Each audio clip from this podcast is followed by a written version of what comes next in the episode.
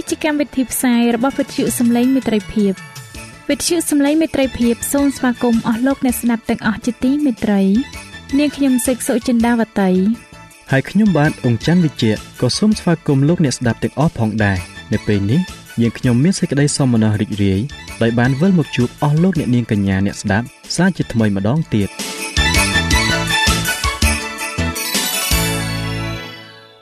ចា៎លោកអ្នកស្ដាប់ជាទីមេត្រី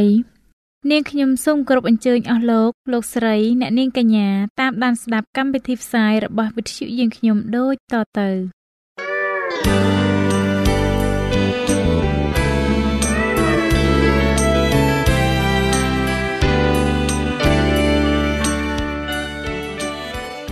ព្រះបន្ទូលសម្រាប់អ្នកនៅថ្ងៃនេះព្រះគម្ពីរហេព្រើរចំពុក4ខ13បានចែងថាគ្មានអ្វីកាត់មកដែលទ្រង់តតមិនឃើញនោះឡើយ គឺគ្រប់ទាំងអស់នៅជាអាក្រាតហើយចំហនៅចំពោះប្រណិតនៃព្រះ ដែលយើងរាល់គ្នាត្រូវរៀបរាប់ទាំងអស់ទូលថ្វាយទ្រង់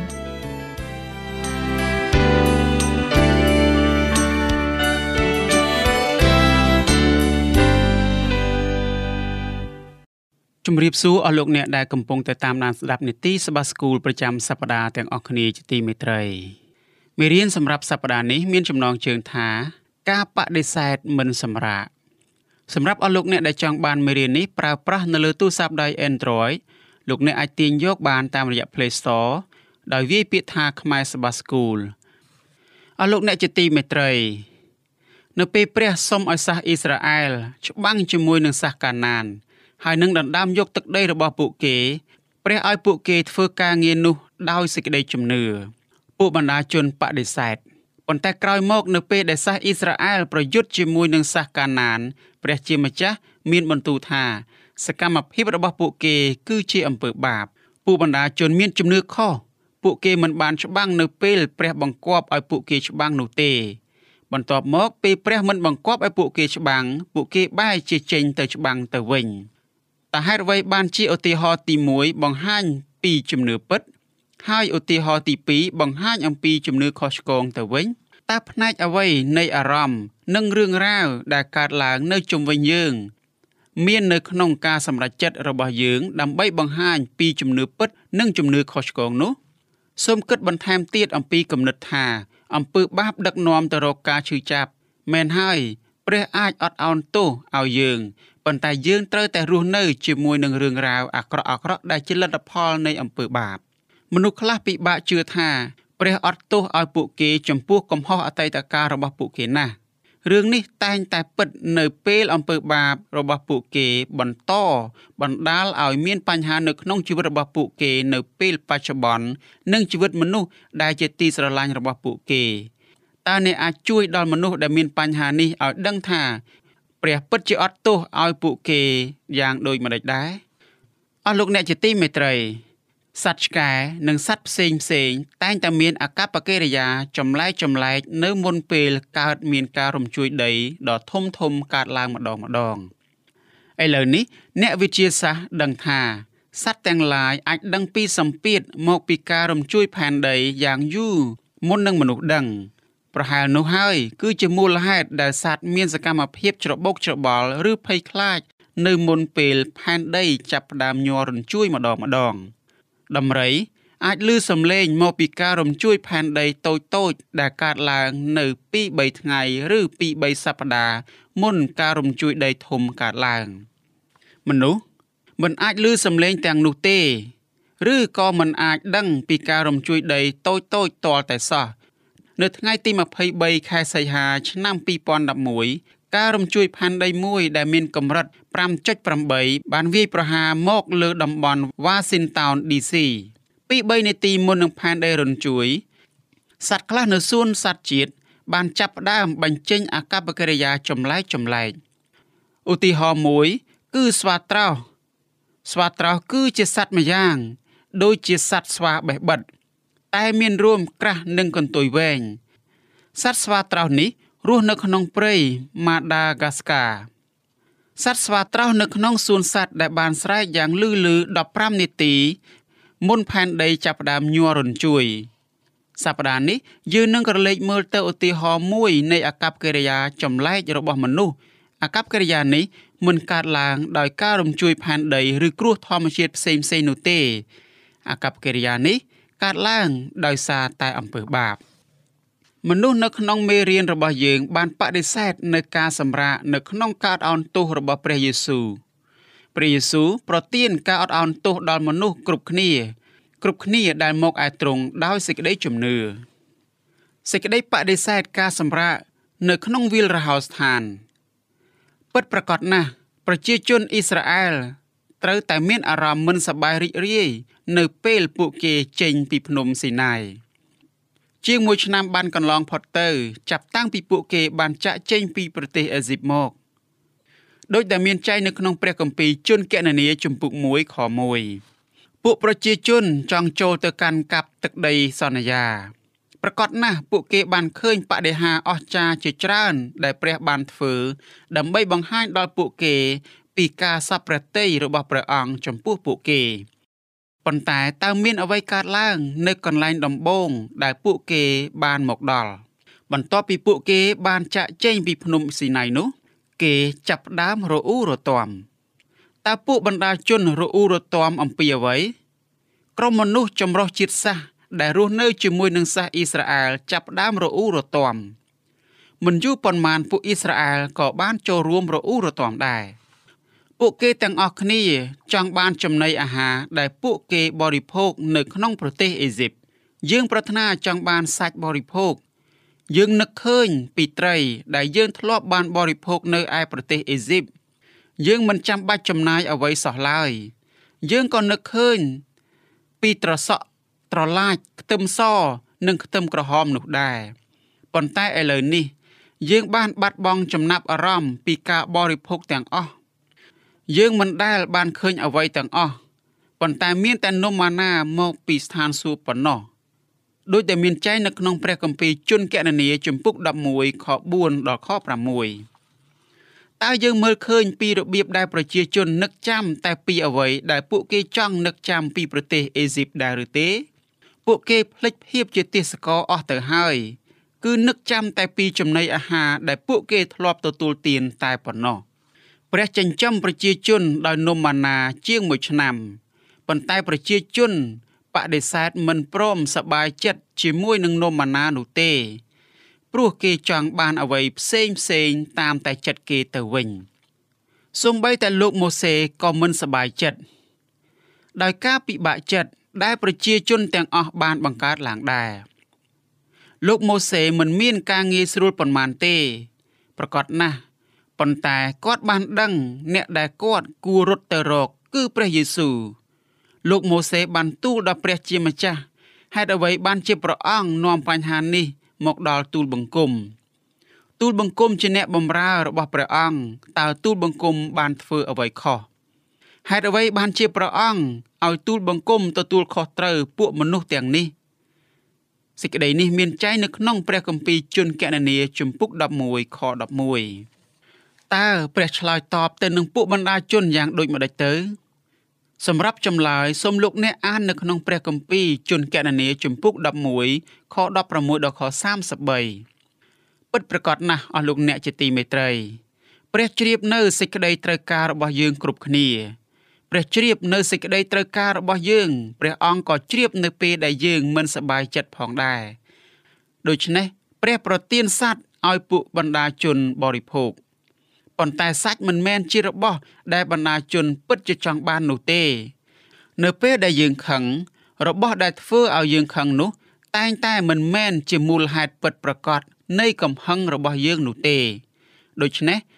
យើងប្រយុទ្ធព្រោះយើងអន់ចិត្តនឹងបញ្ហាដែលជ្រៅជាងនេះទៅទៀតដូច្នេះពួកអ៊ីស្រាអែលប្រយុទ្ធប្រឆាំងទាស់នឹងការដឹកនាំរបស់ព្រះ នៅក្នុងជីវិតរបស់ពួកគេ យើងទាំងអស់គ្នា ត្រូវតែប្រុងប្រយ័ត្នអំពីការប្រយុទ្ធប្រឆាំងទាស់នឹងព្រះជាម្ចាស់ពីព្រោះវាងាយស្រួលនឹងកើតឡើង ជាងការដែលយើងគិតទៅទៀតអស់លោកអ្នកជាទីមេត្រី ដំបូងឡើយ យើងប្រហែលជាគិតថាម៉ារ៉ាមនិងអឺរ៉ុនមិនសប្បាយចិត្តអំពីនាងស៊ីផូរ៉ា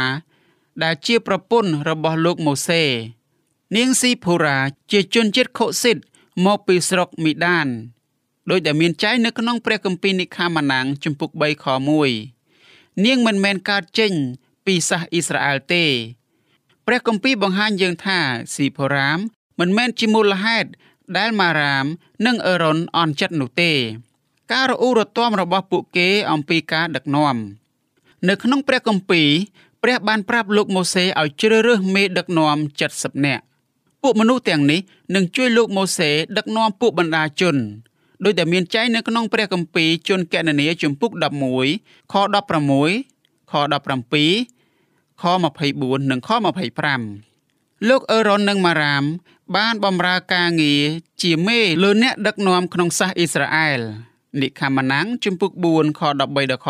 15និងព្រះគម្ពីរមីកាជំពូក6ខ4ប៉ុន្តែឥឡូវនេះ ពួកគេមានអារម្មណ៍ថា ការដឹកនាំរបស់ពួកគេស្ថិតនៅក្នុងគ្រោះថ្នាក់ អេរ៉ុននិងម៉ារ៉ាមនិយាយគ្នាទៅវិញទៅមកម៉ូសេមិនមែនជាមនុស្សតែម្នាក់ដែលព្រះបានប្រើឲ្យនិយាយទៅកាន់ពួកបណ្ដាជននោះទេ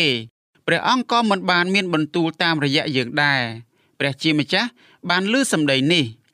ដោយដែលមានចែងនៅក្នុងព្រះគម្ពីរជនកណនីជំពូក12ខ2តើព្រះឆ្លើយតបទៅនឹងការរអ៊ូរទាំរបស់អេរ៉ុននិងម៉ារ៉ាមយ៉ាងដូចម្ដេច តើអ្នកគិតថាហេតុអ្វី បានជាព្រះឆ្លើយតបតាមវិធីអស្ចារ្យបែបនេះដូច្នោះព្រះឆ្លើយតបនឹងការរអ៊ូរទាំរបស់ពួកគេភ្លាមភ្លាមព្រះបានដាក់ទណ្ឌកម្មនាងម៉ារ៉ាម ដោយជំងឺខ្លងខ្លងគឺជាជំងឺសើស្បែកម្យ៉ាងនៅសម័យព្រះគម្ពីរអ្នកកើតជំងឺនោះរស់នៅតែម្នាក់ឯងដាច់ដោយឡែកដើម្បីកុំឲ្យពួកគេចម្លងជំងឺនេះដល់អ្នកដទៃទៀត ជំងឺខ្លងមិនបានទុកឲ្យអ្នកណាម្នាក់សង្ស័យអំពីអ្នកណាធ្វើខុសនោះទេ មិនមែនព្រះបានប្រទានសារពិសេសដល់អេរ៉ុននិងម៉ារ៉ាមដើម្បីចែកចាយដល់រាជរបស់ព្រះអង្គប៉ុន្តែអេរ៉ុននិងម៉ារ៉ាមត្រូវតែចងចាំថាសារទាំងនេះគឺជាអំណោយទានពួកគេមិនត្រូវប្រើប្រាស់អំណោយទានជាអាវុធដើម្បីបង្កើនអំណាចលើពួកបណ្ដាជនឡើយ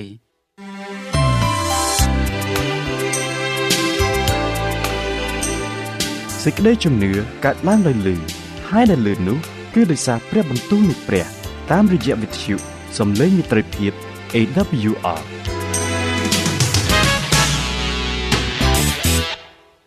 អស់លោកអ្នកជាទីមេត្រី ព្រះជ្រើសរើសលោកម៉ូសេ ជាមេដឹកនាំពីព្រោះលោកម៉ូសេដឹងថាគាត់ត្រូវតែទីពឹងលើព្រះជាម្ចាស់សម្រាប់អ្វីអ្វីទាំងអស់ អេរ៉ុនមិនបានកាត់ឃ្លុងទេ ប្រសិនបើព្រះដាក់រោគឃ្លុងដល់អេរ៉ុនគាត់មិនអាចចូលក្នុងរោងអបោសុតហើយបម្រើព្រះបានទេប៉ុន្តែរោគឃ្លុងដែលធ្លាក់មកលើម៉ារ៉ាមបង្ហាញថា ព្រះមិនសពព្រះតីជាមួយនាងឬលោកអេរ៉ុនអេរ៉ុនទូលសូមឲ្យព្រះព្យាបាលប្អូនស្រីរបស់គាត់ការអធិដ្ឋានរបស់គាត់បង្ហាញថាគាត់គឺជាផ្នែកនៃបញ្ហាដែលបណ្ដាលឲ្យប្អូនស្រីរបស់គាត់កើតឃ្លុងនេះ ព្រះគម្ពីរជនកណនីជំពូក12ខ11លោកម៉ូសេក៏អធិដ្ឋានឲ្យប្អូនស្រីរបស់គាត់ដែរជនកណនីជំពូក12ខ11រហូតដល់ខ13ព្រះសពព្រះតេចង់ឲ្យយើងមានសេចក្តីស្រឡាញ់នេះនៅក្នុងចិត្តចំពោះបងប្អូនប្រុសស្រីនៅក្នុងជំនឿរបស់យើងសាសអ៊ីស្រាអែលមកដល់ជាយទឹកដីសន្យា លោកម៉ូសេបានចាត់អ្នកស៊ើបការ12នាក់ចូលទៅក្នុងទឹកដីកាណាន កិច្ចការរបស់ពួកគេគឺពិនិត្យមើលទឹកដីនោះ ហើយរាយការណ៍ត្រឡប់មកលោកម៉ូសេ និងបណ្ដាជនវិញ របាយការណ៍របស់ពួកគេគឺជាការរំភើបនិងអស្ចារ្យយ៉ាងហោចណាស់ក៏នៅគ្រាដំបងដែរកាឡែបបានខិតខំប្រឹងប្រែងអស់ពីសមត្ថភាព ដើម្បីបញ្ឈប់ពួកបណ្ដាជន ពីការបោះបង់សេចក្តីសង្ឃឹមហើយត្រឡប់បែរប្រឆាំងទាស់នឹងអ្នកដឹកនាំរបស់ពួកគេប៉ុន្តែពួកអ្នកសង្ស័យមានជ័យជំនះទៅវិញ ពួកគេបានបណ្ដាលឲ្យពួកបណ្ដាជនបាត់បង់នៅក្តីជំនឿនៅទីចុងបំផុតសាសអ៊ីស្រាអែលក៏មិនបានព្យាយាមយកជ័យជំនះលើទឹកដីដែលព្រះបានសន្យាដល់ពួកគេដែរសាសអ៊ីស្រាអែលមានចិត្តដែលបដិសេធការសម្រាកនៅក្នុងព្រះជាម្ចាស់ពួកគេមិនទុកចិត្តលើទ្រង់ទេពួកបណ្ដាជនជ្រើសរើសយំស្រែកនិងរអ៊ូរទាំវិញនោះហើយគឺជាមូលហេតុដែលពួកគេមិនបានធ្វើដំណើរឆ្ពោះទៅមុខ ដោយក្តីជំនឿនៅពេលយើងមិនបានសម្រាកនៅក្នុងព្រះ យើងមានពេលពិបាកដើម្បីបង្ហាញសេចក្តីជំនឿការសង្ស័យមិនបានធ្វើឲ្យយើងឈឺចាប់តែចិត្តប៉ុណ្ណោះទេ អ្នកវិទ្យាសាស្ត្របានប្រាប់យើងថា នៅពេលយើងមិនបានសម្រាកគ្រប់គ្រាន់ យើងនឹងធ្វើការសម្រេចចិត្តអាក្រក់ការសង្ស័យក៏អាចបណ្ដាលឲ្យយើងធាត់ខ្លាំងផងដែរវាអាចធ្វើឲ្យយើងចាប់ផ្ដើមប្រើគ្រឿងញៀនឬរហូត ដល់កាន់តែអស់កម្លាំងនិងមិនសប្បាយចិត្តរឿងរ៉ាវបានធ្វើដំណើរអាក្រក់ទៅអាក្រក់ទៅបំផុតកាលែបប្រមានដល់ពួកបណ្ដាជនកុំឲ្យបែរប្រឆាំងទាស់នឹងព្រះជាម្ចាស់នោះឡើយជនកណនីជំពូក14ខ9ប៉ុន្តែពួកបណ្ដាជនមិនយកចិត្តទុកដាក់ស្ដាប់ឡើយពួកគេសម្រេចចិត្តសម្លាប់មេដឹកនាំរបស់ពួកគេដោយគប់នឹងដុំថ្មចិត្តដែលបដិសេធការសម្រាក និងបែរប្រឆាំងទាស់នឹងព្រះតើអារម្មណ៍បែបនោះ ដឹកនាំទៅកន្លែងណា គឺដឹកនាំទៅកាន់សេចក្តីស្លាប់ហើយ អ្នកស៊ើបការ10នាក់មិនទុកចិត្តព្រះទេ ពួកគេនិយាយប្រឆាំងទាស់នឹងកាឡែបនិងយូស្វេមានម្នាក់ស្រែកថាពួកបណ្ដាជនគួរតែគប់សម្លាប់អ្នកស្មោះត្រង់ទាំងពីរអ្នកនេះវងមនុស្សបានទៅជាឈួតវង្វេង ពួកគេចាប់យកដុំថ្មបំរុងនឹងសម្លាប់កាឡែបនិងយូស្វេវងមនុស្សប្រញាប់រុលសម្រុកទៅមុខពួកគេស្រែកហាក់ដូចជាបានបាត់បង់គំនិតទាំងស្រុងរំពេចនោះពួកគេបានទម្លាក់ដុំថ្មចុះហើយនៅស្ងៀមស្ងាត់និងញ័រញាក់ដោយភ័យខ្លាចព្រះបានយាងមកបញ្ឈប់ផែនការអាក្រក់របស់ពួកគេដោយផ្ទាល់ស្រីល្អរបស់ព្រះបំពេញរោងអបោសុតដើម្បីបង្ហាញពួកបណ្ដាជនថា ព្រះអង្គគង់នៅទីនោះសេរីល្អរបស់ព្រះអង្គដូចជាភ្លើងសេរីល្អមកពីព្រះបំភ្លឺត្រសាលទាំងមូលពួកបណ្ដាជនទាំងអស់ឃើញសញ្ញានេះមកពីព្រះព្រះអង្គខ្លាំងជាងពួកគេឥឡូវនេះព្រះអង្គបង្ហាញអង្គទ្រង់ដល់បណ្ដាជនគ្មានអ្នកណាម្នាក់ហ៊ានប្រឆាំងទាស់នឹងព្រះឡើយពួកអ្នកស៊ើបការអាក្រក់ក៏បានដកដង្ហើមធំ ហើយបានដើរសរសៀត្រឡប់ចូលទៅកាន់ត្រសាររបស់ពួកគេ អ្វីដែលលោកម៉ូសេធ្វើសម្រាប់ពួកបណ្ដាជន គឺជាអ្វីដែលព្រះយេស៊ូវបានធ្វើសម្រាប់យើងនៅស្ថានសួគ៌លោកម៉ូសេមិនបានការពារពួកបណ្ដាជនពីព្រះទេគាត់ដឹងថាពួកគេមានទោសប៉ុន្តែគាត់នៅតែសូមឲ្យព្រះអត់ឱនទោសដល់ពួកគេ ដោយបង្ហាញពួកគេពីសេចក្តីស្រឡាញ់និងសេចក្តីមេត្តាករុណារបស់ព្រះអង្គព្រះគម្ពីរជនកណនីជំពូក14ខ19ព្រះជាម្ចាស់ អត់ឱនទោសដល់ពួកបណ្ដាជន ពីព្រោះលោកម៉ូសេទូលសូមការអត់ឱនទោសនោះដល់ពួកគេ តាមវិធីដូចគ្នានេះដែរព្រះអង្គក៏អត់ឱនទោសដល់យើងនៅសប្តាហ៍ថ្ងៃនេះពីព្រោះព្រះយេស៊ូវបានសុគតនៅលើឈើឆ្កាង និងមានព្រះជន្មរស់ឡើងវិញនោះហើយជាមូលហេតុដែលលោកម៉ូសេនិយាយថា សូមអត់ទោសអំពើបាបរបស់ពួកគេ សូមអត់ទោសដល់ពួកគេ ដូចជាព្រះអង្គបានអត់ទោសដល់ពួកគេ តាំងពីពេលដែលពួកគេ បានចាក់ចែងពីស្រុកអេស៊ីបមករហូតដល់ពេលឥឡូវនេះជនកណនីជំពូក14ខ19សេចក្តីមេត្តាករុណារបស់ព្រះព្យាបាលយើងឲ្យជា ការអត់ឱនទោសរបស់ព្រះ បំបែកចិត្តរបស់យើងឲ្យត្រឡប់ទៅរកព្រះវិញ ហើយផ្ដល់ឲ្យយើងនៅការចាប់ផ្ដើមជាថ្មីមួយ។ ការអត់ឱនទោសមានតម្លៃមួយសម្រាប់យើងសេចក្តីមេត្តាករុណានិងការអត់ឱនទោសមិនថោកទេ ដោយសារព្រះអត់ឱនទោសដល់យើង យើងមិនមែនមានន័យថា យើងនឹងមិនមានការឈឺចាប់ដោយសារកំហុសនិងការសម្រេចចិត្តអាក្រក់របស់យើង ដែលតែងតែធ្វើឲ្យអ្នកដទៃនិងខ្លួនយើងឈឺចាប់នោះទេ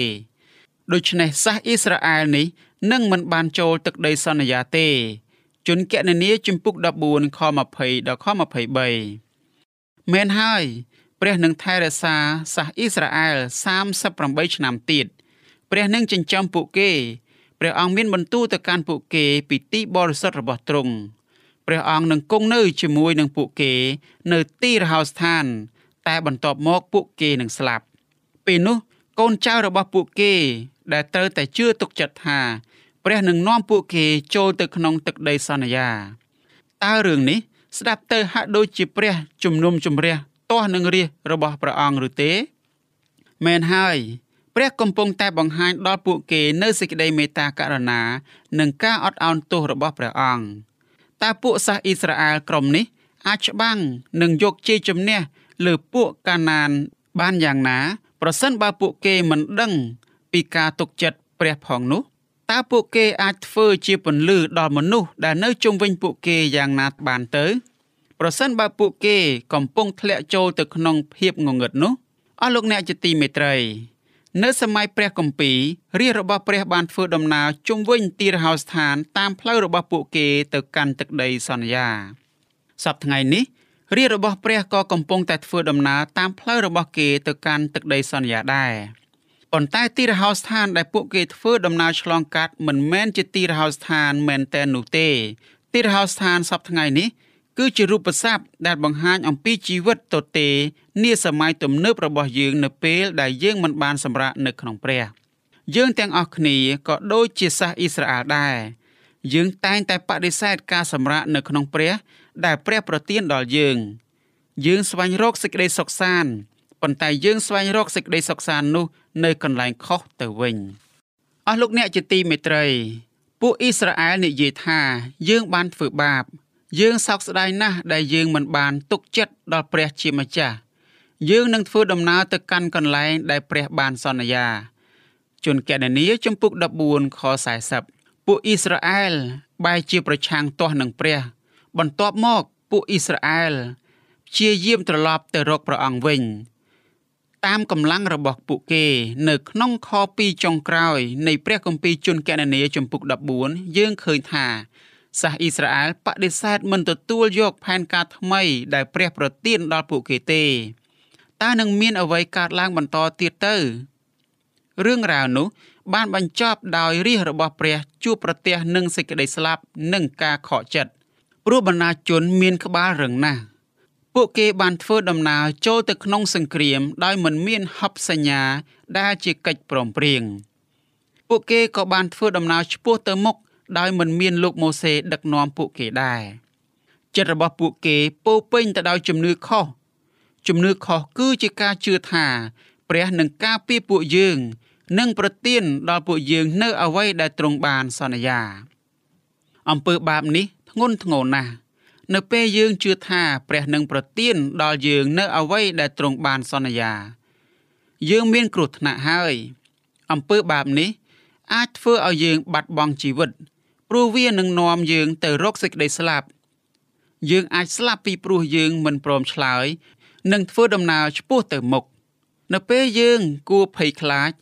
យើងមិនខ្លាចនឹងធ្វើការដោយគ្មាន ព្រះ ឬសេចក្តីសន្យារបស់ទ្រង់ដើម្បីជួយយើងទេ យើងគួរតែទុកចិត្តលើព្រះជានិច្ចហើយរងចាំឲ្យទ្រង់ដឹកនាំយើងប៉ុន្តែភាកច្រើនយើងមិនបានធ្វើដូច្នោះទេ នោះហើយជាមូលហេតុដែលយើងសម្រេចចិត្តដែលធ្វើឲ្យយើងមានការសោកស្ដាយនៅពេលក្រោយទៅវិញអស់លោកអ្នកស្ដាប់ជាទីមេត្រីសាសអ៊ីស្រាអែលមានការសោកស្ដាយចំពោះអំពើបាបជាខ្លាំងយ៉ាងហោចណាស់ក៏នោះគឺជាការដែលគេមើលឃើញរឿងរ៉ាវទាំងនោះជាលើកដំបូងដែរ ប៉ុន្តែពួកបណ្ដាជនមិនបានសោកស្ដាយនៅក្នុងចិត្តរបស់ពួកគេទេ ពួកគេសោកស្ដាយដោយសារតែការឈឺចាប់ដែលអំពើបាបបង្កឡើងដល់ពួកគេតែប៉ុណ្ណោះ។ពួកគេមិនបានសោកស្ដាយដោយមិនបានស្ដាប់បង្គាប់ព្រះទេ ពួកគេក៏មិនបានសោកស្ដាយដែលមិនមានអារម្មណ៍អរគុណដល់ព្រះដែរដូច្នេះព្រះប្រទានការសាកល្បងមួយដល់បណ្ដាជន ព្រះអង្គសូមឲ្យពួកគេបែរចេញពីទឹកដីនៃខ្មាំងសត្រូវរបស់ពួកគេ នៅពេលពួកគេដឹងថាព្រះនឹងមិនប្រទានទឹកដីសន្យាដល់ពួកគេពេលឥឡូវនេះ គេសម្រេចចិត្តធ្វើអ្វីតាមតែពួកគេចង់ទៅវិញពួកគេប្រកាសថា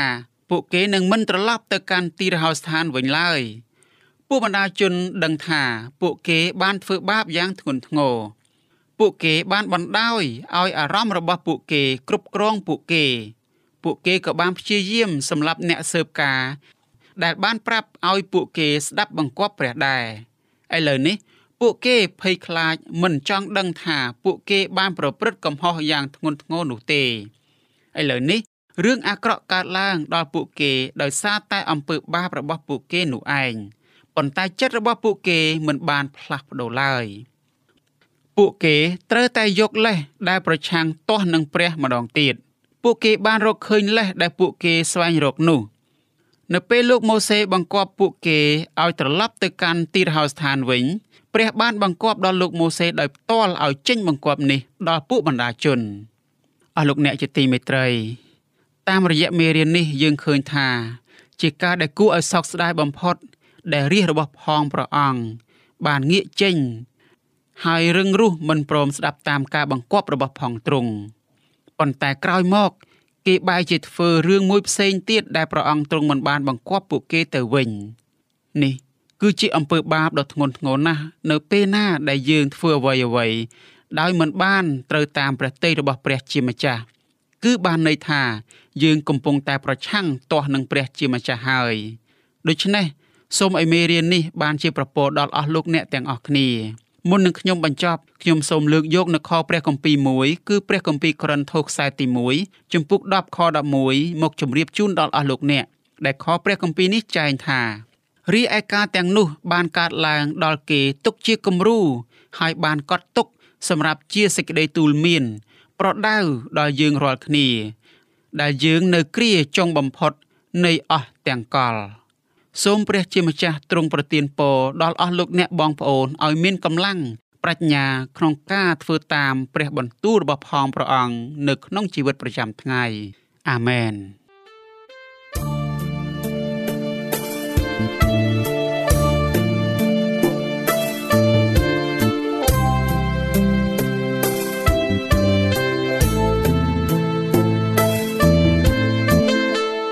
បើសិនជាលោកអ្នកមានសំណួរ ឬសំណុំពរអ្វីសូមតាក់ទងមកការិយាល័យវិទ្យុយើងខ្ញុំ តាមអាស័យដ្ឋានផ្ទះលេខ15ផ្លូវលេខ568សង្កាត់បឹងកក់2ខណ្ឌទួលគោករាជធានីភ្នំពេញលោកអ្នកក៏អាចសរសេរសម្បត្តិផ្ញើមកយើងខ្ញុំ តាមរយៈប្រអប់សម្បត្តិលេខ488ភ្នំពេញឬតាមទូរស័ព្ទលេខ012 34 96 64 ឬ097 80 81 060ឬក៏តាមរយៈអ៊ីមែល vol@awr.org យើងខ្ញុំរងចាំទទួលស្វាគមន៍អស់លោកអ្នកនាងដោយក្តីសោមនស្សរីករាយហើយលោកអ្នកក៏អាចស្ដាប់កម្មវិធីនេះឡើងវិញដោយចូលទៅកាន់ website របស់វិទ្យុយើងខ្ញុំតាមរយៈអាស័យដ្ឋាន www.awr.org